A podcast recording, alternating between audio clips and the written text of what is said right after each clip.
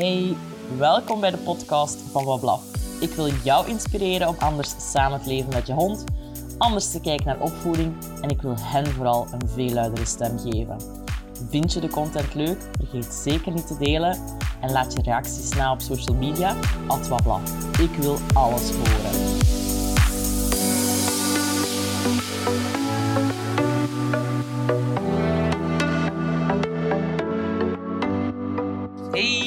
Gaan we praten over verwachtingen van onze huishonden.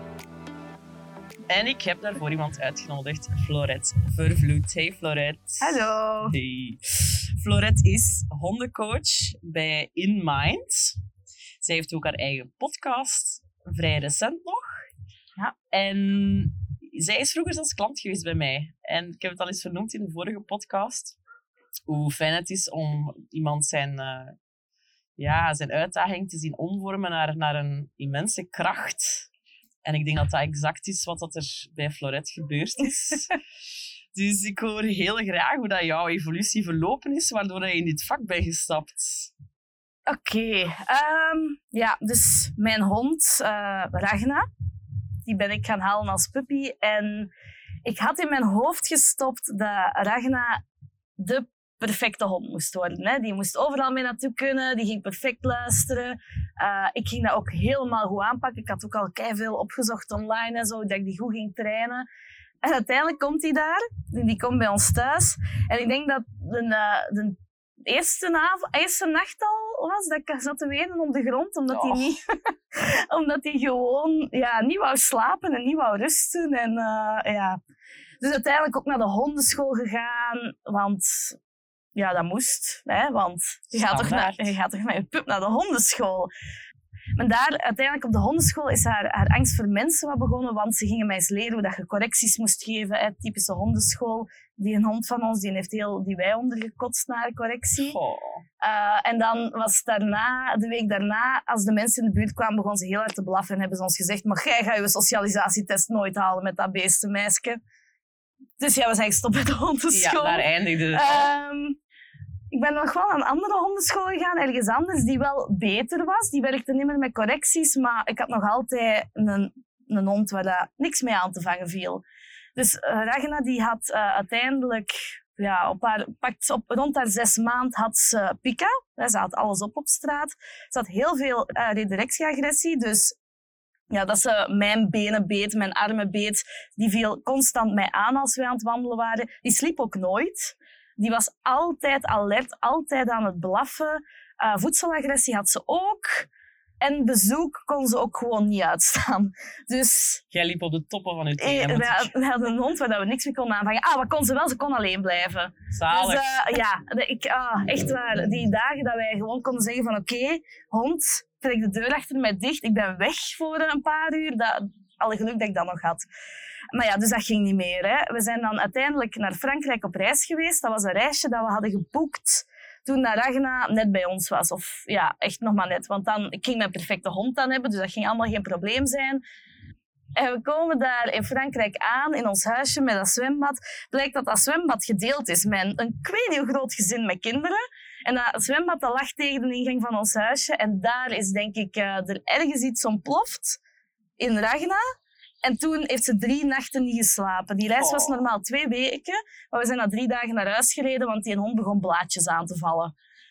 Echt, je zag dat, dat ze het gewoon niet meer aankomt. Ja, nee, dat ging niet. Dat, die was kapot, compleet kapot.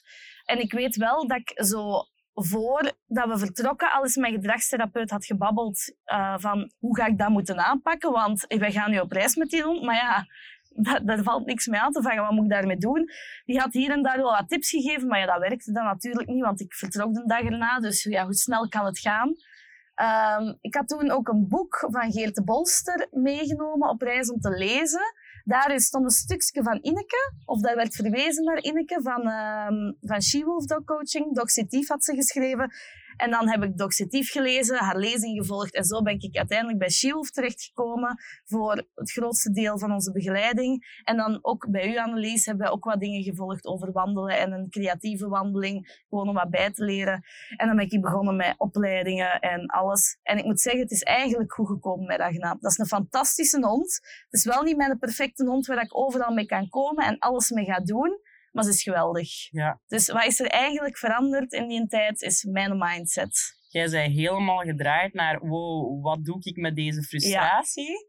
Naar u helemaal bij te scholen, te informeren en, en met die kennis ja, op Ja. een heel andere manier met haar naar om te gaan en naar haar te leren kijken. Ja, inderdaad. En het, het grootste wat dat eigenlijk voor mij het verschil heeft gemaakt, is dus het besef dat ik had hoeveel druk dat ik op dat kleine hondje legde. Dat puppietje al, hè.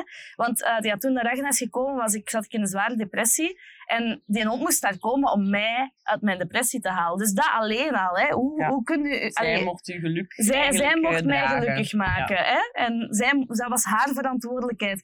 Ik, ik kan me niet voorstellen dat ik op deze moment ooit nog zou denken dat ik iemand anders verantwoordelijk acht voor mijn geluk. Ja. Zo bestaat dat niet.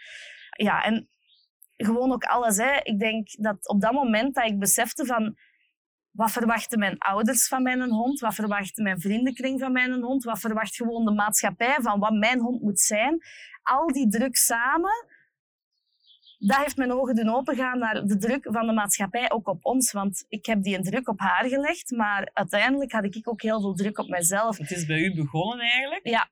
Waardoor dat je die automatisch op uw hond hebt gelegd. Ja. En is er een bepaald moment geweest waarop dat bij u het centje gevallen is van wow, die verwachtingen die ik hier heb naar haar toe zijn eigenlijk verwachtingen die op mij werden geprojecteerd? Ik denk dat dat niet één bepaald moment was, maar ik ben eerst begonnen, hè, eh, dankzij de begeleiding ook, met mijn verwachtingen naar Ragnar los te laten. En het is pas toen ik daarmee bezig was, dat ik ineens besefte hoeveel mensen van mij verwachten. Dus dat is niet een moment geweest, dat Ja, is zo meer geleidelijk aan. Eh, Ja, en Ja. het is dankzij die verwachtingen los te laten voor mijn hond, dat ik ben beginnen beseffen van fuck, hoeveel verwachtingen zijn er eigenlijk van mij? Misschien moet ik die ook gewoon eens beginnen leren loslaten. En dan is eigenlijk mijn leven beginnen veranderen. Dan is er heel veel beginnen veranderen in mijn gemoedstoestand, in mijn omgang met Ragnar, maar ook in mijn omgang met andere mensen. Zelfliefde voor mijzelf eigenlijk.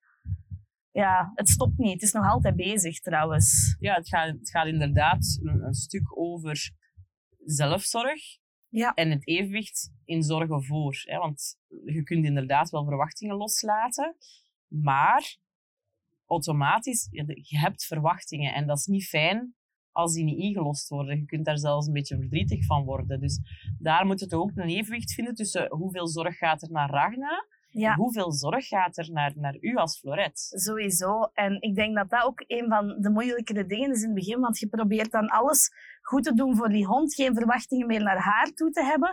Maar soms wilt jij ook wel iets, soms wil ik ook iets en dan gaat dat niet door haar. Dan, dan moet ik soms ook voor mezelf kiezen en zeggen van sorry Ragna, vandaag is het niet uw dag. Vandaag gaan we iets doen wat voor u niet, niet leuk is. Al is het naar een pensioenendag om mij even tijd voor mijzelf te geven. Want het, het is altijd, het is die een balans maken dat zo moeilijk is. Hè? Van, je wilt het zo goed doen voor je honden, dat die een gelukkig leven hebben, of voor je kinderen. Maar jij moet eerst gelukkig zijn, want als je niet voor jezelf kunt zorgen, kun je ook niet voor een ander zorgen. Ja, ik denk dat daar de moeilijkheid in ligt. Dat er een bepaalde fase is, want dit is, dit is heel mooi als dat kan, hè, maar er gaat altijd een fase zijn in het leven of in het samenleven waar dat, dat niet, bijna, bijna niet kan. En ik denk dan even terug aan, aan de fase waarin dat de honden pup zijn of jonge puber zijn of waarin dat mijn kinderen eigenlijk ja, nog baby zijn. Heel veel letterlijk gevoed moeten worden ten koste van mijn eigen eh, wel, welzijn en, en, en mijn, eigen, eh, mijn eigen geluk bijna. Want dat zijn fases waarin dat je heel veel moet investeren. En dan heb ik het zelfs niet eens over het slaapgebrek dat je eh, chronisch hebt. Bij u was dat dan ook reëel, met Ja. Ragnar die sliep. Bij baby's is dat ook. Dus er is ergens een fase waarin dat je dat zelfs niet eens kunt, die balans hebben. Zelfzorg versus zorg voor. Ja, En dat is denk ik een fase waar veel mensen al meteen een oplossing willen. Terwijl dat, dat dan bijna onmogelijk is. Ja, inderdaad. Die eerste, en dat, dat is ook waar, dat, waar dat ik in de fout ben gegaan, waar dat iedereen in de fout ben bijna, is je wilt je wilt direct beginnen trainen. Je wilt direct beginnen trainen om die perfecte hond te krijgen. Terwijl dat pups en pubers, die hebben daar nog geen nood aan. Die moeten nog niet getraind worden. Die moeten inderdaad gevoed worden. Daar moet voor gezorgd worden. Die moeten liefde krijgen. Daar moet mee gespeeld worden. Zeg maar, dat, dat zit ook in ons, in ons maatschappelijk systeem. Hè? Ons schoolsysteem dat wij hebben, die, dat is heel hard gefocust op spel kan eigenlijk niet. Hè. Het gaat eigenlijk over, we gaan onze jonge kinderen opvoeden puur zorgen voor en voeden totdat ze een jaar of twee, tweeënhalf zijn. En dan komen ze direct in dat schoolsysteem terecht.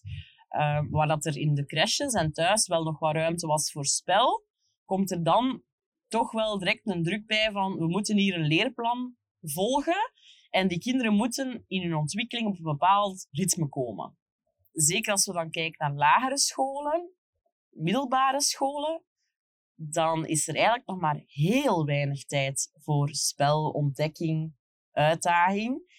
En de grootste, het grootste percentage van hun tijd gaat over concentratie, gehoorzaamheid, letterlijk training. Ja, letterlijk wat wij ook met onze honden proberen te doen. Dus het is ook niet zo logisch dat wij dat als normaal achten. Hè? Nee, we zitten zelf in het systeem. We zitten zelf in dat systeem. En het, school, het gaat zelfs verder dan dat met het schoolsysteem. Er wordt constant focus gelegd op wat beter moet. Hè. Uw prestaties verbeteren. Dus we gaan focussen op wat dat niet zo goed gaat, dat we moeten verbeteren, in plaats van te focussen op onze talenten en onze sterktes en die nog sterker te maken. En ik kan dat zelf van het schoolsysteem wegtrekken. Hè. Als je ooit een evaluatiegesprek op je werk hebt gehad, gaat eerst wel even over, ah ja, dit heb je allemaal goed gedaan, maar dit zijn uw werkpuntjes. En daar gaan we nu een plan voor verzinnen om uw werkpuntjes beter te maken. In plaats van iemand volledig in te zetten op, in zijn kracht en waar dat hij goed op in is. Maar wij weten dat zelfs niet meer als wij uit school komen, wat dat eigenlijk onze kracht is. Het wordt heel hard afgevlakt, hè? ja. Ehm, heel hard afgeremd ook. Omdat het gehoorzamen en het passen in het systeem ons eigenlijk klaarstoomt voor een leven als arbeider of bediende. Het stoomt ons niet klaar voor een leven, en ik mag nu spreken over ons twee als onderneemsters, mm hè? daarvoor worden wij niet voorbereid. En dat maakt ondernemen heel uitdagend en moeilijk, omdat je eigenlijk eerst een heel proces naar je vroegere ik moet... Ja. Dat je eerst naar je vroegere ik moet gaan keren om terug te leren ondernemen. Dat is nu even een sidetrack, maar ja, ja. ik vond wel iets... Dat is iets dat ik heel hard ervaren heb door, die, door ja, het systeem waar dat we ingezeten hebben. En ik zie dat bij die honden ook die worden heel hard afgeremd en dan willen wij dat die heel speels en onafhankelijk zijn en, en volwassen honden zijn. Terwijl we ze eigenlijk heel de tijd wat afremmen in hun creativiteit, in hun groei, in hun ontwikkeling. Wat niet, wat niet wil zeggen dat er zeker geen grenzen moeten zijn. wij moeten ook grenzen leren. Maar er is een verschil tussen focussen op grenzen en wat wel en niet oké is. En focussen op waar liggen hun talenten en waar worden zij blij van en waar zijn ze goed in? Sowieso. En die zelfontwikkeling, ik ben daar, ben daar gepassioneerd door, mee bezig door, ook door ja, dat ik nu die onderneming aan het starten ben, zo echt mezelf leren kennen. En er is één zin dat heel vaak terugkomt. Hè. In elke cursus dat je doet of met iedereen dat je spreekt, wat je aandacht geeft, dat groeit. En dat is zo waar voor onze honden ook. Hè. Als wij constant gaan focussen en aandacht geven op wat dat niet goed gaat. Bijvoorbeeld, je hebt je puber, je puberhond, en ja, dat is naar u en die begint ineens uit te vallen op straat. Als je op dat moment keihard gaat beginnen trainen en trainen met die hond om niet meer uit te vallen, ga je constant focussen op dat uitvallen, waarvoor dat je in mijn ogen meer kans hebt dat je dat gaat meetrekken naar zijn volwassenheid, dan als je gewoon zou focussen op de dingen die wel goed gaan. En dan even een tijd gaan wandelen op een plaats waar je bijna geen honden ziet, of waar dat die een hond het makkelijker heeft. En dan focust op de leuke dingen, het spel. En ja, er zullen nog wel talenten zijn dat je hond begint te vertonen die je dan kunt inzetten, in plaats van te gaan focussen op alles wat slecht gaat. Want jij laat groeien waar dat je op focust, ook al wilde het niet. Ook al wilde het net voorkomen met te gaan trainen. Je bent erop aan het focussen. Dus ik denk zeker dat we daar een beetje een boodschap hebben naar de mensen toe die luisteren van eh, wij zijn er misschien wel ook om, om zo'n beetje te laten omdenken. Ja. Sowieso komt er een probleem. Dus de focus ligt er al, automatisch, op het probleem. Waarbij dat wij dan gaan omdenken naar, oké, dat is het probleem. Bedankt om te delen. wij zien daar en daar kader of oorzaken rond. En nu gaan we een keer naar het grotere plaatje kijken. En mensen staan daar nog niet snel voor open. Dat is soms chockerend, Dat is echt... Dat is maar- soms een shock voor mensen, Ja, inderdaad. Ehm, inderdaad. Van, maar dat is, wij zitten in de maatschappij van quick fixes. Hè. Ja, Ik ga nu helemaal afwijken, maar als je gewoon gaat kijken naar wat ze je aanleren van verkoopstechnieken, je moet altijd werken op de oplossing die je kunt bieden. En als ik zeg van, ik bied eigenlijk geen oplossing, ik bied u de tools om beter te kunnen samenleven, ja, dat krijg ik dus niet verkocht.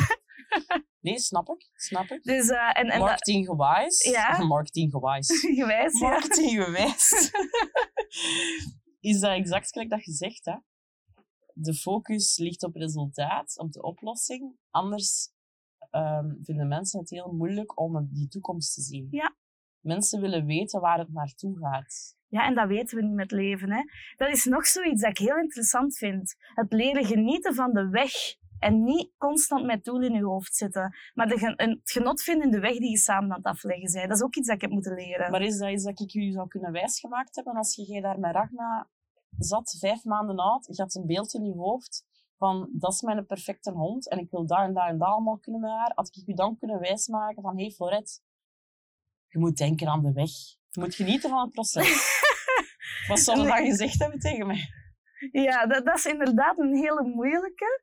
Maar vanaf dat je die eerste kleine lichtpuntjes begint te zien, toch wel dat mini-verbetering is hier en daar, dan kun je dat beginnen doen. Ja. En die komen wel snel. Als je verwachtingen loslaat en gewoon even meegaat, dan ga je die wel snel beginnen zien. En dan, ja, dat zijn echt puntjes, hè. Dat Ja. is mini. Maar daarvoor heb je iemand nodig. Hè. Daarvoor heb je net iemand nodig die je ondersteunt in dat proces en je kan helpen om die lichtpuntjes te zien, zodat jij kunt blijven doorgaan. Want ik denk in mijn begeleiding dat ik daar zelf het meest aan heb gehad. Iemand dat altijd naast mij stond, waar ik bij terecht kon op momenten dat ik het compleet niet meer zag zitten. Minder dan iemand die mij plannen gaf van dit ga je moeten doen en zo. Nee, die, die steun, die onvoorwaardelijke steun en dat begrip. Ja. Want soms zat ik er compleet door en ik had dan eh, een half uurtje gesprek met Fleur. En ja, ik voelde mij weer goed. En Ragna was ineens ook weer in orde. Ja. Ik had niks veranderd. Ik had gewoon gebabbeld met iemand en ik zag daar Ragna haar gedrag. Zeg, en maakt het uit, denk je, welk type ras dat Ragna is in, in de verwachtingen die dat je had voor haar? Denk je dat dat een rol gespeeld heeft? Goh, Want misschien even uitleggen wat voor een hond dat Ragna is. eh, Ragna is een eh, vuilbakje. een vuilbakje. Ja. Die, ik, ik vermoed eh herder terrier mix. Maar ik moet wel zeggen dat wij Ragna zijn gaan halen. Dat is nog een verhaal apart. eh, als een uh, Berner Senne Labrador mix. Ragna, voor alle duidelijkheid, lijkt alles behalve op een Berner Senne Labrador mix. maar kunt u wel voorstellen wat voor hond wij in gedachten hadden. Ja, Dus Ja. wat Ragna is, ik, ik, ik weet nog, maar ik, ja, dat was nog voordat ik echt met honden bezig was. Ik had maar één ding. Het mag absoluut geen terrier zijn. en wat zit er in Ragna? Sowieso een terrier. Ja. Ja, dus, eh, ja, dus daar heb je dan al verwachtingen moeten bijsturen? ja, die begon ineens een baard te krijgen. Ik dacht, oh god, Ja. hier gaat iets mis. Ja. Ja, dus, maar we hebben constant verwachtingen moeten bijsturen. En uiteindelijk denk je dan van, oké, maar nee, het is een hond. Een hond, het zijn allemaal honden. Hè. Honden zijn honden en je moet, alles ligt in de opvoeding. Dat is een zinnetje dat ik mezelf heb wijsgemaakt voordat ik een hond had. Mensen met slechte honden, die voeden hun honden gewoon slecht op. Ja. Ondertussen weet ik dat dat echt de grootste bullshit ooit is. Want ik heb daar, ik heb daar nu toevallig ook net een podcast over opgenomen. Over ehm, rassen en genetica eigenlijk. Er zijn, ik geloof wel dat honden genetische aanleg hebben tot bepaalde raskenmerken. En als je die gevoeligheden kent, dan kun je daar juist mee omgaan. Maar wat is juist omgaan? Hè? Ja, Dat is het, hè. Dat is, hè. Er zijn mensen die dan spreken over ehm, werk versus show en, en gezelschapshonden. Ja. Ik word daar vierkant zot van. Ik heb een mechelaar in huis, dat is zo, zo gezegd een werkhond. Mhm. Met als gevolg dat ik daar dus de verwachtingen van de werkhond opgelegd had. En dat dat eigenlijk ja. helemaal niet goed uitgedraaid is voor hem. Want als ik kijk naar alle honden die in mijn leven gepasseerd zijn, de behoeftes aan de basis zijn dezelfde. Maar de manier waarop dat ze in de wereld komen te staan en dus welke verwachtingen dat wij voor hen hebben, ja, dat bepaalt heel veel. Hè. Mijn mechelaar is geen mechelaar die buiten leeft. Dat is ene die in een zetel leeft, samen met andere honden. waakt niet, doet geen pakwerk, maar is wel in het verleden heel hard gehoorzaamheidsgetraind geweest, omdat ik die verwachting dacht te hebben. De maatschappij heeft die ook, want dat moet je doen met een mechelaar. En dat is niet zo goed uitgedraaid voor hem en voor Ja, mij. wat ik wel ergens zot vind, is je had de verwachting van een werkhond te hebben. Je hebt daarnaar gehandeld. Maar je hebt nu eigenlijk wel een werkhond. Hè? Want wat is een werkhond? Is dat dan geen hond dat altijd aanstaat Ja, en niet ja. kan rusten? Dus eigenlijk heb je wat je verwachtte. Ja. Terwijl ik geloof echt als jij toen die, die, die zaadjes had gevoed van rustige huishond, dat je waarschijnlijk iets minder alert een hond had kunnen hebben. Ja. Je hebt natuurlijk altijd die gevoeligheden. andere maar als- activiteiten andere- ook had ja, gekozen. mij, want dat ben ik dan pas op latere leeftijd gaan beginnen beseffen. Het moment dat we uit die typische gehoorzaamheid... En ja, bijtwerk hebben we nu niet gedaan, maar dat we echt uit die typische gehoorzaamheidstraining uitstapten, ja, ben ik gaan zoeken naar dingen die, die hij heel goed kon, maar waar dat hij rust in vond. Ja. En dan zijn we detectie beginnen doen, dan zijn we speurwerk beginnen doen. En ik had een heel andere hond aan mijn hand, maar ja, de damage was wel done ondertussen. Ja, inderdaad. En dat is wat heel veel mensen denk ik niet beseffen. Dat als, eh, als je een werkhond in huis haalt en je wilt die eigenlijk in huis laten leven, ja, voed dan die werkhond niet. Ja. Voed dan die zaadjes niet van die werkhond, maar probeer dan die zaadjes tot rust en huishond te voeden. als het gaat over werken, het ook gewoon bekijken. Werken is niet gewoon pure training. Werken kan ook een type spel zijn, een type van hoe dat je in interactie gaat met een hond. Dat is ook Ja, werken voor die hond. Waar dat ik het met u misschien nog eens wil over hebben, is zo de specifieke verwachting van... En ja, ik ga natuurlijk weer naar die herderachtige, dat is een beetje beroepsmisvorming voor Mhm. mij. Maar bijvoorbeeld de specifieke verwachtingen bij border collies. Ja, Eh, heel veel van mijn klanten of mensen die ik zie passeren, die hebben een probleem met eh, uitvalgedrag naar, naar auto's, fietsers enzovoort hun border collie. najagen. Ja. Ehm, en ik wil uw visie daar een keer over hebben. Ik vind een... Je, je haalt een border collie in huis. Een hond die een eigenlijk gefokt is op het herderen, dus het jagen van dingen. En een hond die volgens mij in stress gaat, dus die, die in spanning zit, en stress hoeft niet altijd negatief te zijn, volgens mij gaan die als copingmechanisme hun sterkte inzetten. Ja. En wat is dat bij een border collie? Dat is jagen. Dus wat ga je heel vaak zien? Dat is dat die achter de honden gaan jagen, achter de auto's gaan jagen, achter fietsers gaan jagen dat drijfgedrag. dat eigenlijk. drijfgedrag tonen. Nu, dat gaat ook weer veel harder zien in de puberteit en zo, want die hormonen die zijn aan het gieren. En als je gewoon zorgt dat die een hond niet in die stressmomenten gaat, dus dat zijn die momenten dat hij stressvol vindt, en dan kiezen wij ook niet wat uw hond een stressmoment vindt, die een hond kiest dat, dan gaat hij dat gedrag ook niet vertonen. Je hoeft daar niet op te gaan trainen, want uiteindelijk gaan die hormonen gaan liggen, gaat die hond rustiger worden, gaat die zijn draagkracht groter worden en krijgt hij geen stress meer in, elke in, in bepaalde momenten dat hij dat voor wel kreeg en gaat hij dat gedrag gewoon niet meer vertonen. Ja. Dus ik vind dat honden heel vaak hun talent gaan inzetten in stress. Ja. Dus als jij het stre- de stress vermijdt, dan gaat dat najagen verdwijnen. Ik vind ook niet om dat najagen te laten verdwijnen dat je met je hond moet gaan schapenhoeden. Ja. Dat is volgens mij niet nodig. Ik denk ook dat het, dat het daar dan vooral gaat, want ja, veel mensen ervaren dat natuurlijk op hun wandelingen, Florette. Ja, dan zouden ze kunnen zeggen van ja, mogen we dan niet meer gaan wandelen met die, met die border collie, want ja, we komen altijd auto's en fietsers tegen. En dat is het moeilijke. Hè? Dan gaan we weer naar die eerste, die eerste jaar, of, jaren, of het eerste jaar, anderhalf jaar van uw hond. Moeten misschien uw eigen verwachtingen een beetje opzij zetten en kijken wat heeft die hond nodig? Wat heeft hij nodig om die te voeden? Heeft hij het nodig om op dat moment te gaan wandelen op plaatsen waar dat minder auto's zijn, minder fietsers zijn, waar dat jij meer afstand kunt nemen? Dan vind ik dat jij dat moet doen. Ja. Want dat is uw taak als ouder. Ja, ik vind ook dat je van een hond, je bent er geen eigenaar van, je bent er geen baas van, je bent gewoon een ouder van die hond. En die eerste jaren heeft hij dan nodig dat jij ervoor zorgt dat die hond zich veilig voelt. En niet dat, dat jij per se wilt dat hij kan wandelen naast een drukke baan zonder auto's na te jagen. En dat je misschien ook helpt in die copingstrategieën. Ja. Of dat je, ah, ja, dat je misschien ervoor zorgt dat hij die niet moet inzetten. Of dat je kunt zoeken van wat is iets anders dat mijn hond rust kan brengen in moeilijke momenten, dat je die dat kunt aanbieden. Ja. Maar daarvoor moet je een hond al leren kennen. Hè? Want je kunt nu zeggen, bij Dex geeft jij die een bal, maar niet elke hond moet een bal geven om rust te vinden. Hè? Nee, klopt. Dus dan moeten we een hond al kennen. En dan moeten al open hebben gestaan om een hond te willen leren kennen en niet gewoon uw visie door te drukken heel de verwachtingen op tijd. te leggen. Ja. Ja. superveel informatie. Als we nu eens gaan kijken van oké, dat zijn echt wel elementen die dat we zouden meegeven aan de mensen die luisteren, die echt belangrijk zijn om te onthouden. Wat zou dat dan zijn? Ja, voor mij, mijn, mijn mantra dat ik altijd zeg in mijn hoofd over mijzelf, over mijn hond, over alles is wat je aandacht geeft, dat groeit. Ja. Ik vind dat, dat vind ik een van de Zowel belangrijkste. negatieve als positieve. hè? Ook positieve, ja. Want ook bij, als je positieve aandacht geeft, dus als er dingen zijn waar dat je op focust die supergoed gaan, dan gaat het helemaal beter gaan. Ja, zeker een belangrijke, waar dat ik ook veel waarde aan hecht, is wanneer het kan. En ik zeg wanneer het kan, die gulden middenweg nemen tussen zelfzorg en zorg voor anderen.